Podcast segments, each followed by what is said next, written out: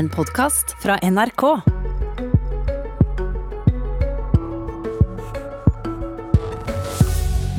Hurdal-forhandlingene er inne i siste fase. Ei av de hardeste nøttene er vårt samarbeid med EU. Senterpartiet har lova å trekke Norge ut av EU sitt energibyrå ACER. Er det i det hele tatt mulig? Forhandlingene på Hurdal pågår for fullt, og et punkt vi vet er vanskelige mellom Senterpartiet og Arbeiderpartiet, er Noreg sitt forhold til EU. Vi skal begynne med en liten smakebit av hva Senterpartileder Trygve Slagsvold Vedum sa i valgkampen.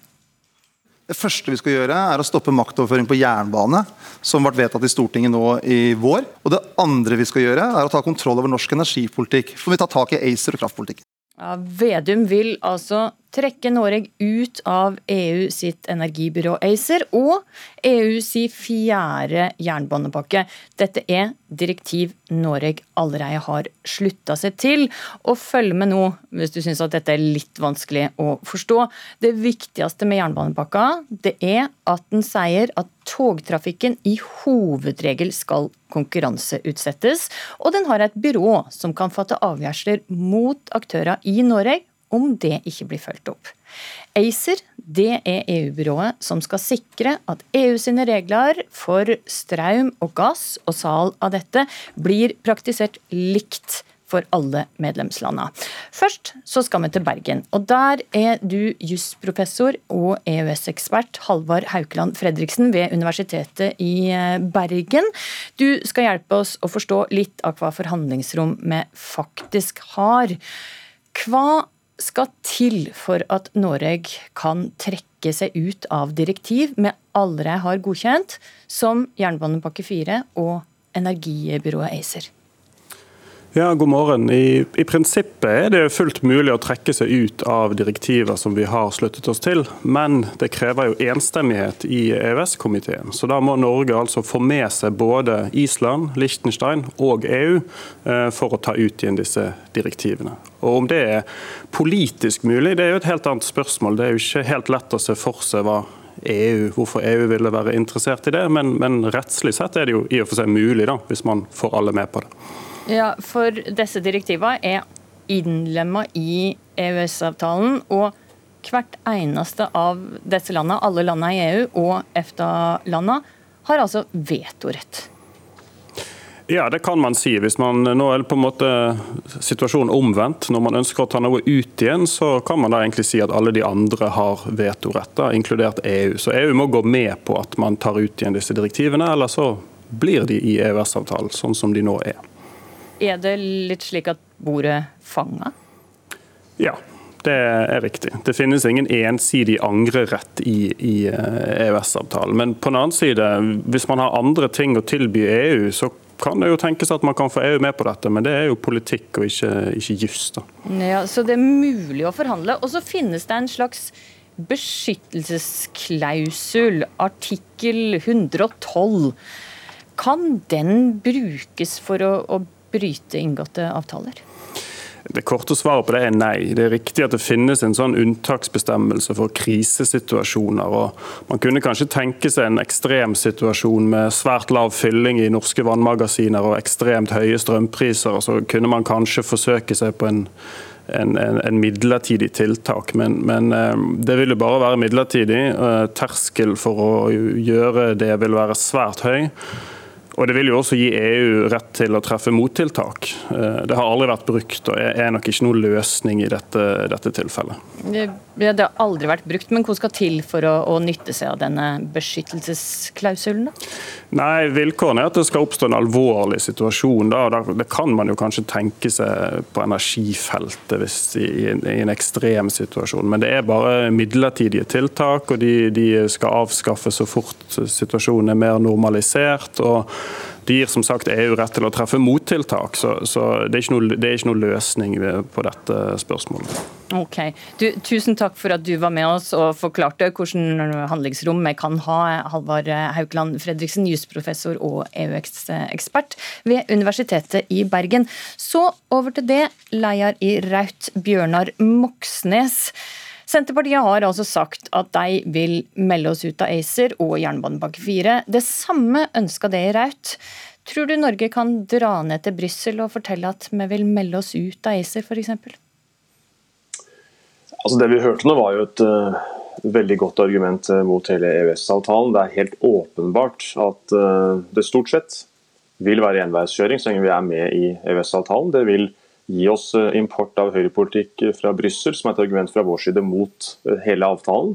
Samtidig er det sånn at tilhengerne av EØS-avtalen, ikke minst Arbeiderpartileder Støre, har jo i en situasjon med økende motstand mot avtalen, ikke minst i fagbevegelsen, framhevet det enorme handlingsrommet som visstnok finnes innenfor avtalen. Og da sier vi at ålreit, eh, en ny regjering ledet av Arbeiderpartiet må da eh, utforske dette handlingsrommet. Eh, må jo prøve å få reversert innlemmelsen av jernbanepakke 4. For det handler om noe så grunnleggende som skal norsk jernbanepolitikk styres fra Norge eller fra Brussel?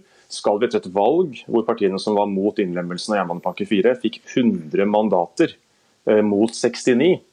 Etter et sånt valg, eh, hvor altså de borgerlige da velger å innlemme oss likevel etter at valget er unnagjort, skal vi bare godta det, eller skal vi prøve alle mulige uh, muligheter vi har for å få omstøtt vedtaket? Men, ta det til EØS-komiteen og prøve å få enighet om det. Vi må okay, jo forsøke Maxnes, det, selv om det ikke er gjort før. Ja, ok, altså Du sier at her, jeg, må, jeg må prøve, jeg må forsøke, men, men du ser også at dette er svært vanskelig å få til i praksis? Ja, Dette er jo et av hovedproblemene med EØS-avtalen. At den er grunnleggende udemokratisk og overfører suverenitet eh, og selvstendighet fra Stortinget eh, og til EU. Et annet eksempel er jo ACER, som du tok opp nå i, starten med, med, med jusprofessoren. Eh, det er klart at Norge kan jo ha samfunnshensyn vi ønsker å ivareta. F.eks. å sikre at folk med dårlig råd kan betale strømregningene sine sikre eh, billig strøm eh, til klimavennlig industri, både nåværende og ikke minst framtidig eh, industri, og unngå strømprissjokk. Det er helt åpenbart at det å kunne ha politisk styring over krafteksporten, og ikke bare si at markedet bestemmer, men si at vi skal ut fra politiske, samfunnsmessige hensyn behandle arvesølvet vårt som, ja, som arvesølv, det er klart det blir vanskelig så lenge vi er tilslutta EØS-avtalen. og det finnes eh, klare forbud eh, mot restriksjoner på flyten av varer, inkludert strøm. Okay. Samtidig er det sånn at det finnes en, en unntaksklausul som kan brukes. og Vi må også utforske mulighetene for å bruke den for å ivareta norske samfunnshensyn. Og ikke bare sette markedets hensyn først. Vi skal komme litt tilbake til det, men skal først bare over til det. Sveinung Rotevatn, du er nestleder i Venstre og nyvalgt finanspolitisk talsperson for den kommende perioden. Hvor blir konsekvensen om Senterpartiet får gjennom sitt valgløfte om å si opp vår, eh, altså ACER-samarbeidet? I den grad det hele tatt er mulig å gjøre det, eh, så vil konsekvensen bli et dårligere forhold til våre nærmeste naboer og allierte. Norge er en del av Europa. Vi er helt avhengig av et godt forhold til alle disse landene her. Fordi vi er EØS-medlem. Hadde vi ikke hatt det, hadde ikke vi vært en del av EØS-avtalen, hadde ikke vi vært en, så, eh, en sånn partner til å stole på, så hadde ikke vi vært en del av noe vaksinesamarbeid i EU nå under koronakrisa. Vi hadde ikke uh, sluppet unna straffetoll på aluminium, som en innførte mot Donald Trump i USA i sin tid. Så konsekvensen av at Norge skal begynne å være veldig vanskelig å si at nei, vi vil være med på noe, men ikke på andre ting, vil være nettopp den. Det vil skape enorm usikkerhet for norsk næringsliv og store problem for oss som nasjon. Og det synet som Bjørnar Moxnes her forfekter og jobber for, og det er ikke noe overraskende det, er viktig å være klar over. Det er et mindretallssyn i Norge. For han sa at det er rekordstor motstand mot EØS-avtalen. Det er jo det motsatte som er tilfellet. Over to tredjedeler av det norske folk er for EØS-avtalen. For de skjønner det, at det er grunnen til at vi kan reise der vi vil, jobbe der vi vil, studere der vi vil, vite at produkt er trygge, miljøvennlige, og at du har noen fellesregler for å løse noen av de store felles utfordringene vi har, som klimakrise f.eks. Så det å melde seg ut av det her, som Rødt, Senterpartiet, og SV vil, vil være helt katastrofalt for Norge. Men betyr det da at vi må sitte helt stille, godta alt som kommer, uten protester? Nei, det gjør det absolutt ikke. For eksempel, akkurat nå så er det et kjempearbeid på gang i EU med det som kanskje noen har hørt om som heter European Green Deal, et stort felles klimainitiativ. Det bruker jeg som klima- og miljøminister og regjeringa masse tid på påvirke, fremme norske synspunkt som en del av den prosessen. Men når vi, EU har bestemt hvordan dette skal bli, så må vi bare godta hvor de kommer. Da har vi ikke noe valg. Altså, Hadde vi vært EU-medlem, så hadde det vært noe å stemme over disse tingene. Det er vi jo da ikke. Det er jo en selvvalgt situasjon, så da må vi påvirke. Men når eh, regelverk og sider er klart, og det er EØS-relevant, så må vi ta det inn. Det er ikke slik at det er noe en kan sitte og velge. EØS-avtalen er ikke noe koldtbord der du kan velge å ta noen ting du liker og andre ting du ikke er så begeistra for. Da vil hele avtalen bryte sammen. Og Det er selvfølgelig Rødt sitt mål, eh, og det er jo på en måte greit, men det er ikke det norske folk sitt mål, eller denne regjeringa eller Stortinget. Ja, for Bjørnar Moxnes, det er kanskje ikke så nøye for det om eh, vårt forhold til EU surner litt, og vi viser litt muskler? Nei, Det viktige for oss eh, det er jo eh, å ivareta grunnleggende demokratiske hensyn, som det at eh, de partiene som ønsket å si nei til jernbanepakke 4, fikk altså 100 mandater ved valget for to uker siden. For én uke siden så valgte de borgerlige, det avtroppende flertallet, å innlemme jernbanepakke 4 i, i norsk lov, som betyr at vi da dessverre kan bli prisgitt anbud innenfor togtrafikken til evig tid, også om et stortingsflertall ikke ønsker den typen privatisering. Så det er klart at Når vi ser grunnleggende demokratiske hensyn som står opp mot EØS-avtalen, eh, når vi ser at eh, arbeidstakerrettigheter kan komme i konflikt med EØS-avtalen, så sier vi at da skal vi gi forrang til disse viktige samfunnshensynene. Så er det interessant da, i så måte at vi har fått arbeider... Jernbanepakke 4, Moxnes, fordi at dette, Regjeringa innlemma altså dette i EØS-avtalen etter at valget eh, var klart, og imot eh, flertallet i det nåværende Stortinget sitt ønske. Hvor mener du regjeringa burde gjort i denne saken her? De burde jo respektert eh, utfallet av valget, hvor partiene som var mot jernbanepakke 4, fikk altså 100 av mandatene i stortingsvalget. Ikke minst fordi det var altså et vedtak som var 44 mot 42 stemmer da det ble behandla i Stortinget før sommeren, særdeles knapt flertall. Eh, og massivt flertall mot eh, pakka etter valget vi hadde for to uker siden. Men nå er det gjort av den avtroppende regjeringa, og da har vi et godt argument overfor EU, som er at det her var mildt sagt eh, i hvert fall politisk umusikalsk av det avtroppende borgerlige mindretallet som det nå er. Vi ønsker å tre ut av avtalen for å nettopp kunne ha kontroll, nasjonalkontroll over jernbanepolitikken og slippe å ha privatisering eh, til evig tid. Det er et demokratisk argument som okay. vi burde ha.